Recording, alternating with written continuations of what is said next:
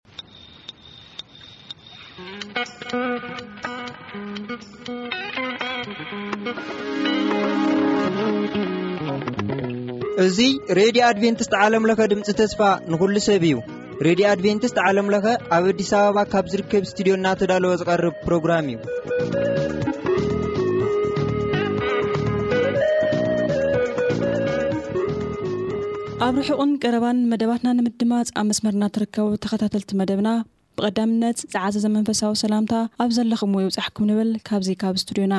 ብምቕጻል ንሎሚ ዝህልወና መደብ። መደብ ክፍለጥ ዘለዎ እዩ። ምሳና ጽንሑ ሰናይ ምክትታል።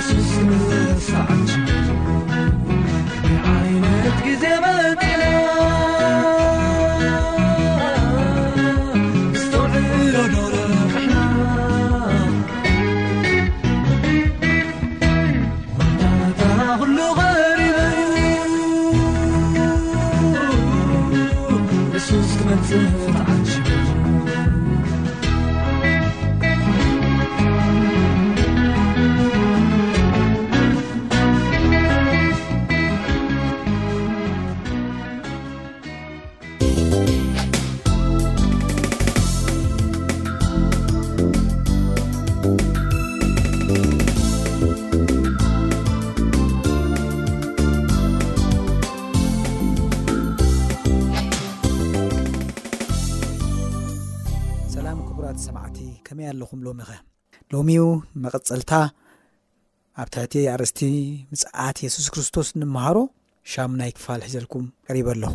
ኣብዚ ናይ ሎሚ ሻሙናይ ክፋል ፍልይ ዝበለ ንኡስ ኣርእስቲ ኣሎና። እሱ ድማ ምጽኣት ጎይታ ማዕረ ክንደይ ቀረባ እዩ ዝብል እዩ። ምጽኣት ጎይታ ማዕረ ክንደይ ቀረባ እዩ ኣሕዋተይ እስኪ እግዚኣብሔር ነዚ ሕቶ እዚ ዝምልስ መንፈስ ምእንቲ ክሰደልና ጸሎት ክንገብር ኢና። ሰማይ ሰማያት ዙፋንካ ምድሪ ድማ መርገጽ እግርኻ ኩሉ ትኽእል ህያዋይ ጻድቕ ኣቦ ነመስግነካ ኣሎና። ቃልካ ክንመሃር ምስ ኣሕዋተይ ምስዞም ሰማዕቲ ተዳሊና ኣሎና። በዚ መስመር እዚ ንሰምዑኒ እግዚኣብሔር ኣቦይ ክባርኽ ምእንቲ ክኽእል ናይ ጸጋ መልእኽቲ ማዕዳ ከመሓላልፍ ቃል ሓቂ ክዛረብ ምእንታን ክኽእል ንከናፍረይ ክትንክፎ እጽሊ። ክሰምዑ ነኸለዉ ድማ ምግላጽ ኣብ ልቦም ኣብ ሂወቶምን ተግባሮምን ድማ ክኸውንሲ ንሰማዕቲ ዘበል ኩሉ ክትባርኾም ክትንክፎም ምስኦም ክትከውን እጽሊ። ምሳና ኩን ኣይትፈለየና ብሽም የሱስ ኣሜን። ምጽኣት ጎይታ ማዕረ ክንደይ ቀረባ እዩ። ምስላኡ ካብ ኦም በለስ ተምሃሩ ኢሉ መንፈስ ኣምላኽ ብቃሉ ይነግረና። ምስላኡ ካበይ ተምሃሩ? ካብ ኦም በለስ ተምሃሩ። ኦም በለስ እንታይ ትገብር? ጨናፍራ ምስ ለምለመ ቆፅላውን ምስ ጠጥዐ ክረምቲ ከም ዝቐረበ ትፈልጡ ኢኹም። በለስ ንፈልጥ ሰባት እዚ ነገር እዚ ይርድኣና እዩ። ቆፅላ ምስ ጠጥዐ ክረምቲ ቀሪቡ ንብል። ስለዚ ከምኡ ድማ ንስኻትኩም እዚ ኩሉ ምስ ርዕኹም ናብ ኣፍ ቤት ምቕራቡ ፍለጡ። እዚ ኩሉ ክሳዕ ዝኸውን እዚ ወለዶ እዚ ከም ዘይሓልፍ ብሓቂ እብለኩም ኣለኹ። ማቴዎስ ምዕራፍ ዕስራን ኣርባዕተን ፍቕዲ ሰላሳን ክልተን ሰላሳን ኣርባዕተንን ስለዚ እዚ ኩሉ ክሳብ ዝኸውን እዚ ኩሉ ፍጻሜታት ኣብ ዝሓለፈ ካብ ቀዳማይ ክሳብ ሸውዓተ ክፋላት ዝረኣናዮም ኩላ ምቕራብ ምልክታት ምጽኣት የሱስ ክርስቶስ እምበኣር እዚ ወለዶ እዚ ኩሉ ክሪኦ ከም ዝኾነ መጽሓፍ ቅዱስ ኣብዚ ይነግረና ኣሎ።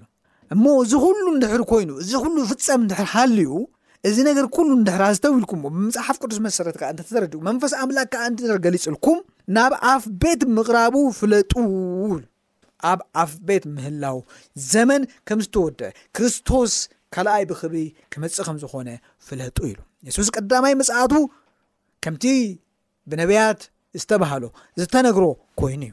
የሱስ ክመጽእ ክውለድ እዩ፣ ኣብ ቤትልሄም ምውላዱ ከም ዝኸውን፣ ህፃን ኮይኑ ከም ዝመጽእ፣ እንሆ ከም ዝመውት፣ ብጻዩ ኣሕሊፉ ከም ዝህቦ፣ ከም ዝስቀለልና፣ መድሓኒና ከም ዝኾነ፣ ንብዙሓት ንምርኣይ ዓይነቶም ክኸፍት፣ ንዕውራን ምብራህ ጥበብ ክህብ፣ ንጭኑቓት ሓርነት ከውፅእ ከም ዝመፅእ ከምቲ እተዛረብዎ ከምኡ ኮይኑ ቀዳማይ ምጽኣቱ በቲ ከምቲ እቶም ነቢያት እተዛረብዎ ቃሉ ኣቢሎም ሙሉእ ብምሉእ ተፈፂሙ እጂ ድማ ከምኡ እቲ ካልኣይ ምጽኣቱ ክኸውን እዩ ከምቲ ብዘመን ኖህ ዝነበረ ከምኡ ኸዓ ብምፅኣት ወዲ ሰብ ክኸውን እዩ ኢሉ ርጉጽ ዝኾነ ነገራት ኣብ ግዜ ኖህ ዝኾነ ኩሉ ኣብ ምጽኣት ወዲ ሰብ ከኣ ይኸውን እዚ ኩሉ ንዛረቦ ዘለና ኩሉ ካብ ግዜ ኖህ ካብቲ ዝኾነ ፍጻሜታት እዩ ስለዚ የሱስ ሕጂውን ካልኣይ ብክብሪ ክመጽእ እዩ እምበኣር ምጽኣት ጎይታ ማዕረ ክንደይ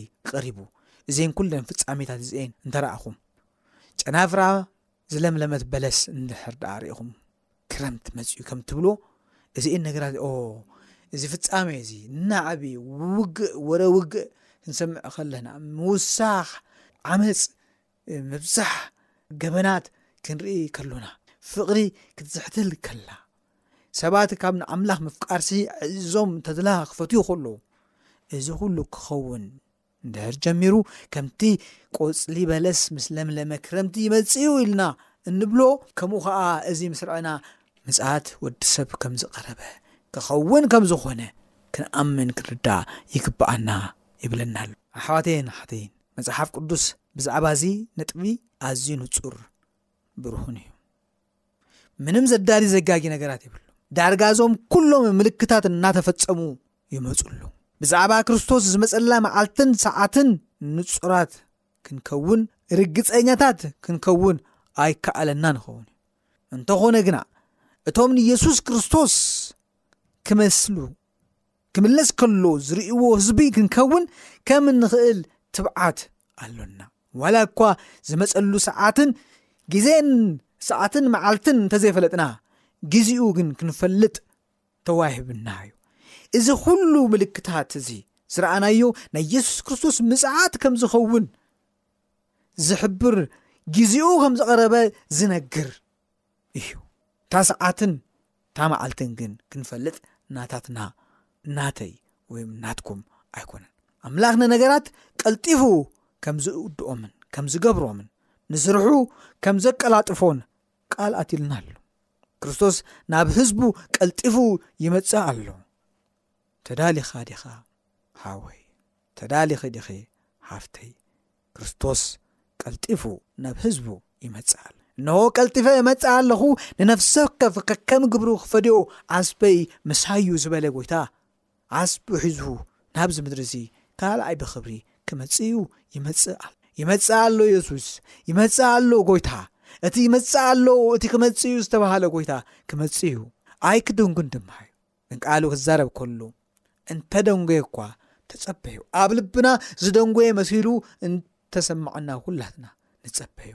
ኣሕዋተየ ንጎይታናን መድሓንያን የሱስ ክርስቶስ ካልኣይ ብክብሪ ክመጽእ ንጽበዮ ሰባት ተዳሊና ጥራሕ ንጸበዮ እምበር ንሱስ ርጉጽ እዩ ክመጽእ እዩ ረኣዩ እንድሕር ሎሚ ምጽኣቱ ድንጉዩ እንተበልና ንሕና ቀልጢፍና ካብዚ ምድሪ እዚ ንኸይድ እሞ፣ ምጽኣቱ ቀልጢፉ ይመጸና፣ ስለ ዘይተዳለና ድማ ንጥፉኣት ንኸውን።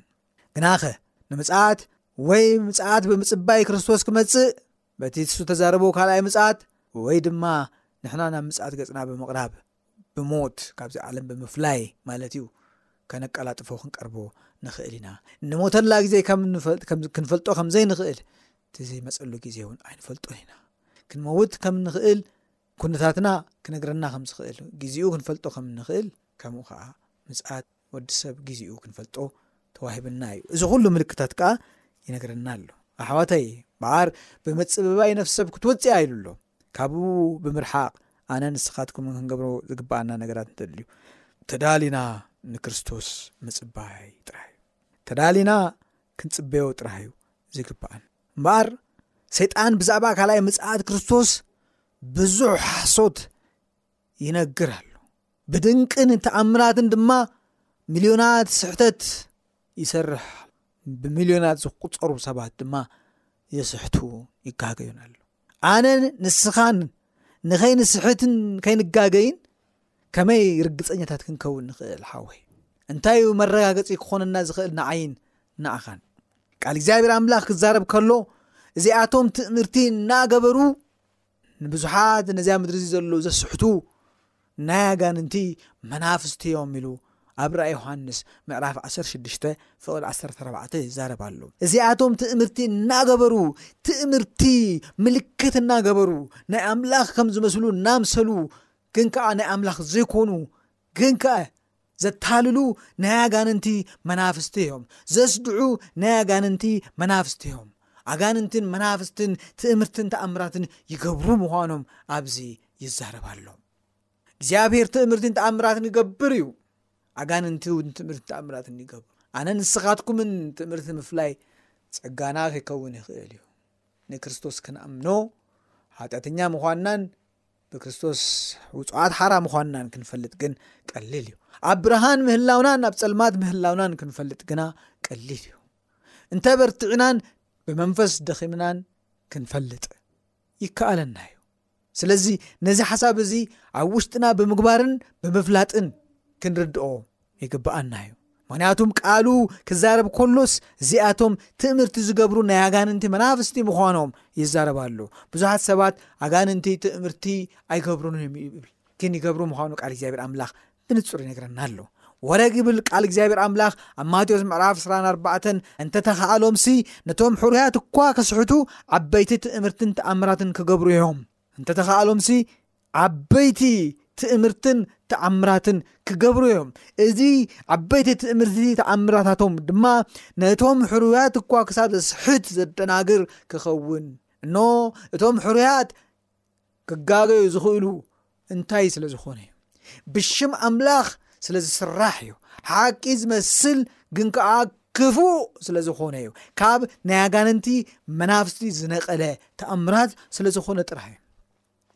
ስለዚ ኣብዚ ብተኣምራትን ትእምርትን ዝኣምኑ ነቲ ሓይሊ ዝክሕድዎ ብዙሓት እዮም መንፈስ ጥንቁልና ዘለዎም ትእምርትን ተኣምራትን ይገብሩ እዮም ኣብ መፅሓፍ ቅዱስ ርኢናዮም ኣለና ይገብሩ ኣብ ሂወት ታሪክ ዘመንና ኣብ ዘመን ክርስትናና ከይተረፈ ርኢና ኣለና እዚ ኩሉ ይገብሩ እዮም።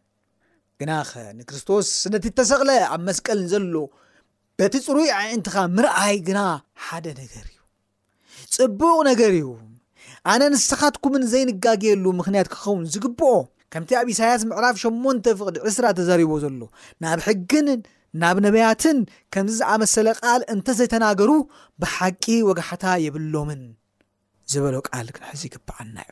እንታይ እዩ ዝብል ዘሎ እዚ ቃል እዚ ኣዝና ኣብ ጽሞና ክንርእዮ እፈቱ። ኣዝዩ ኣገዳሲ ጥቕሲ መጽሓፍ ቅዱስ ድማ እዩ። ናብ ሕግን ናብ ምስክርን ከምዚ ዝኣመሰለ ቃል ምዚ ቃል እግዚኣብሔር ኣምላኽ ዝሰማማዕ እንድሕር ዘይተዛረቡ እንድሕር ዘይዛረቡ ተኾይኖም እዚኣቶም ብሓቂ ወጋሕታ የብሎምን፣ ብርሃን የብሎምን፣ ሓቂ የብሎምን፣ ክርስቶስ የብሎምን ንብል ኣሎ። ምስ መጽሓፍ ቅዱስ ዝሰማማዕ ምስ መጽሓፍ ቅዱስ ዘሎ ሓቂ ዝገልጽ ኣብ መጽሓፍ ቅዱስ ኣብ ሕግን ምስክርን ቃሉን ኣድሂቦም ዘይዛረቡ ተኮይኖም ሃጠው ቀጠው ዝዛረቡ ብርሃን ዘይብሎም ሓሰውቲ እዮም። እዚኣቶም ነቲ ኩሉ ትእምርትን ተኣምራትን ብናይ ኣጋንንቲ መናፍስቲ ዝስርሕዎ ዓየይቲ ክፍኣት ዓየይቲ ጸልማት እዮም።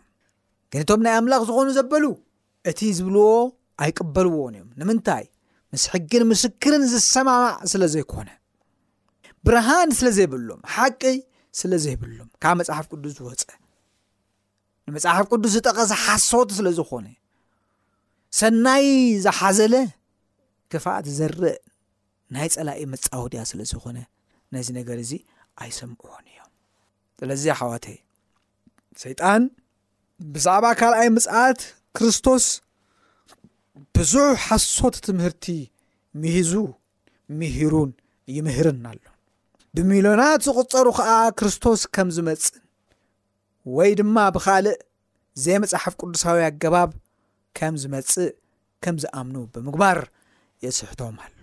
ንክርስቶስ ብምጥቃስ ብዛዕባ ክርስቶስ ጌጋ ይዛረብ። ንኣዳምን ሄዋንን እግዚኣብሔር ነቲ ዝበሎም ቃል ብምልዓል እዩ ኣብቲ ቃል እቲ ኣተኲሩ ተዛሪቡ ከምዚ ዶ ኢሉ እግዚኣብሔር ካብኡ ምስ ትበልዑ መዓልቲ ሞት ክትሞት ኢኹም ንዝበሎ ቃል ብሓቂ ኣምላኽ ከምኡ ከም ትኾኑ ስለ ዝፈለጠ ከም ኣምላኽ ከም ትኾኑ ስለ ዝፈለጠ እዩ እምበር ከቶ ኣይትሞቱን ኢኹም ኢልዎም ከቶ ኣይትሞቱን ኢኹም ግን ከምኡ ከም ኣምላኽ ከም ትኾኑ ስለ ዝፈለጠ እዩ ኣብቲ ቃል ኣምላኽ ዝተዛረቦ እዩ ኣንጻር ኮይኑ ስለዚ ጸረ ኣንጻር ጸላኢ ኣካፋኢ ኣጸላሚ ተባሂሉ ዲያብሎስ ሰይጣን ተባሂሉ ዝተጸዋዓሉ ምክንያት ስለዚ ሰይጣን ብዛዕባ ካልኣይ ምጽኣት የሱስ ክርስቶስ ብዙሕ ዘስድዕ ሓሶት እንትተዛረበ ዘገርም ኣይኮነን እቶም ከም ፍቓድ ኣምላኽ ዝመላለሱ ሕቡእ ምንጣቕ ኣሎ እንተበለ ቤተ ክርስትያን በይና ተበጥቂላ ትኸይዳ እንተበለ ሰይጣን ዝመሓዞ ስሑት ትምህርቲ እዩ ስሑት ትምህርቲ እዩ ኣሕዋተ ስሕቡእ ምንጣቅ ዝበሃል የለ ኩላሓና ብሓባር ንምቕባል ጎይታ ክንልኣ ኢና ቃሉ ክዛረብ ከሎ እንሆ ኢሉ ኣሎ ጐይታ ካብ ሰማይ ከም ዝመጽእ ክዛረብ ከሎ ናይ ተሰሎንቄ ናይ ቀዳማይ ተሰሎንቄ ምዕራፍ ኣርባዕተ ፍቕሪ ዓሰርተ ሓሙሽተ ጀሚሮ ዘሎ ንባብ እንተንበብናዮ ጐይታ ባዕሉ ብናይ ትእዛዝ ጭድርታን ብድምፂ ሊቀ መላእኽትን ብመለኸት ኣምላኽ ካብ ሰማይ ክመጽእ እዩ ክወርድ እዩ እቶም ብክርስቶስ የሱስ ዝሞቱ ቅድም ክትስኡ እዮም መጀመርያ እቶም ብክርስቶስ የሱስ ዘለዎ ክትስኡ እዮም ድሓር እንታይ ክኾኑ እዮም ንሕና ብህይወት ፀኒሕና ዘሎና ነቶም ዝደቀሱ ከም ከቶ ከም ዘይንቕድሞም ብቓል ጎይታ ኣርጊጸ የብለኩም ኣለኹ ምስ በለ ግናኸ ኩላህና ብሓባር ብደበና ንምቕባል ጎይታ ኣብ ኣየር ክንለዓል ኢና እቶም መቶም ዝጽንሑ ዝተስኡን እቶም ከይመቱ ብህይወት ዝጽንሑን ንምቕባል ጎይታ ኣብ ኣየር ብሓባር ይብላ ኣሎ ቃል እግዚኣብሔር ኣምላኽ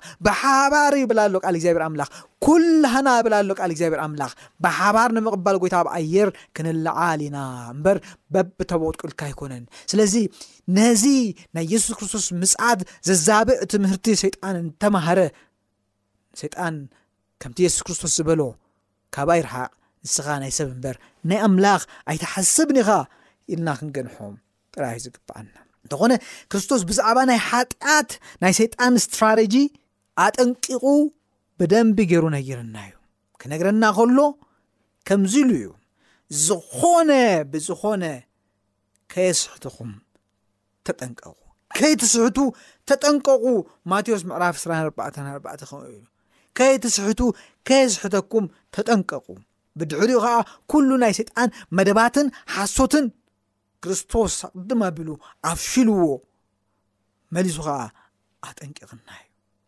ናይ ምድሓን ታሪኽና ኩሉ ክባላሾን ክጽየቕን ዝፍትን ዲያብሎስ ሰይጣን ክርስቶስ ኣሕፊርዎን ኣዋሪድዎን ስለዚ ኣብቲ ክርስቶስ ዝወድኣልና ኩሉ ስራሕ እዮ ተቃወሞ ጸኒዕና ክንነብር እዩ ዝግብኣና ክርስቶስ በዓል መሊሱን ከምዚ ኢሉ ዘኻኽረና እንሆ ኣቐድመ ነገርኩኹም ማቴዎስ ምዕራፍ ዕስራን ኣርባዕተን ዕስራን ሓሙሽተን ከይኮነ ከሎ ነገርኩኹም ከይተቐልቀለ ከሎ ዝነገርኩ ከይኮነ ከሎ ዘስማዕኹ ኣነ ስለዚ ነቲ ኣነ ዝበለ ክርስቶስ ክንኣምኖ ክንሰምዑ ከይኮነ ከሎ ዝነግር እቲ ዝኾነ ከዓ ዝፈልጥ ዝኸውን ከዓ ዝፈልጥ ጎይታ ክንርድኦ ይግበኣና ንኣብነት የሱስ ክርስቶስ ኣብ ምድረ በዳ ኣብኡ ኣሎ እንተበልኹም ኣይትውፅኡ ክብል ብምድረ በዳ ከም ዘይመፅእ ኣቅድሙ ነጊርና ኣብ ፍሉይ ቦታ ኣሎ ኣብ ከተማ ኣሎ ኣብዚ ወፃኢ ኣሎ ኣብ ኣኼባ ቦታ ኣሎ ኣብዚ ቸርች ዝሎ ኣብቲ ቸርች ዝሎ እንተበልኹም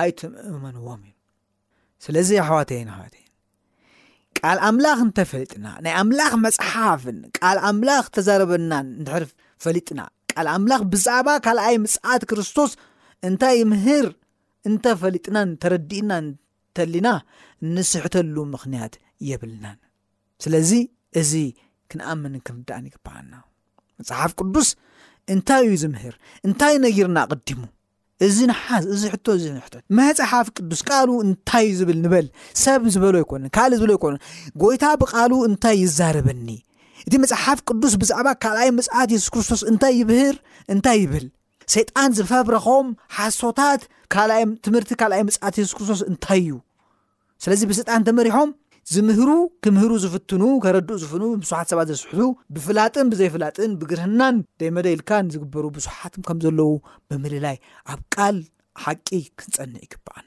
ስለዚ ካብዚ ወፃኢ ኩሎም ዝኸዱ እናስሓቱን እናስሓቱን ናብ ዝገደደ ፍርዲ ክበፅሖም ምኳኑ ቃል እግዚኣብሔር ኣምላኽ ይዛረብ ስለዚ እዚ የሱስ ኣብ ማእኸል ኣብዚ ኣሎ የሱስ ከምዚ ይብል ኣሎ እግዚኣብሔር ከምዚ ገሊጽለይ ኣሎ ዝብል ምስሊ የሱስ ክርስቶስን ሓሳብን ተጠቂሞም ካብ ናይ ሰይጣን ናይ ኣጋንንቲ መላእኽቲ ተላኢኾም ዝዛረቡ ብምምሳል ዝጥቀሙ ብዙሓት ዓየይቲ ሓሶት ክንጥንቀቕ ይግባኣና እዩ ጎይታ ግና ነዚ ኩሉ ከፍሽል ክመጽእ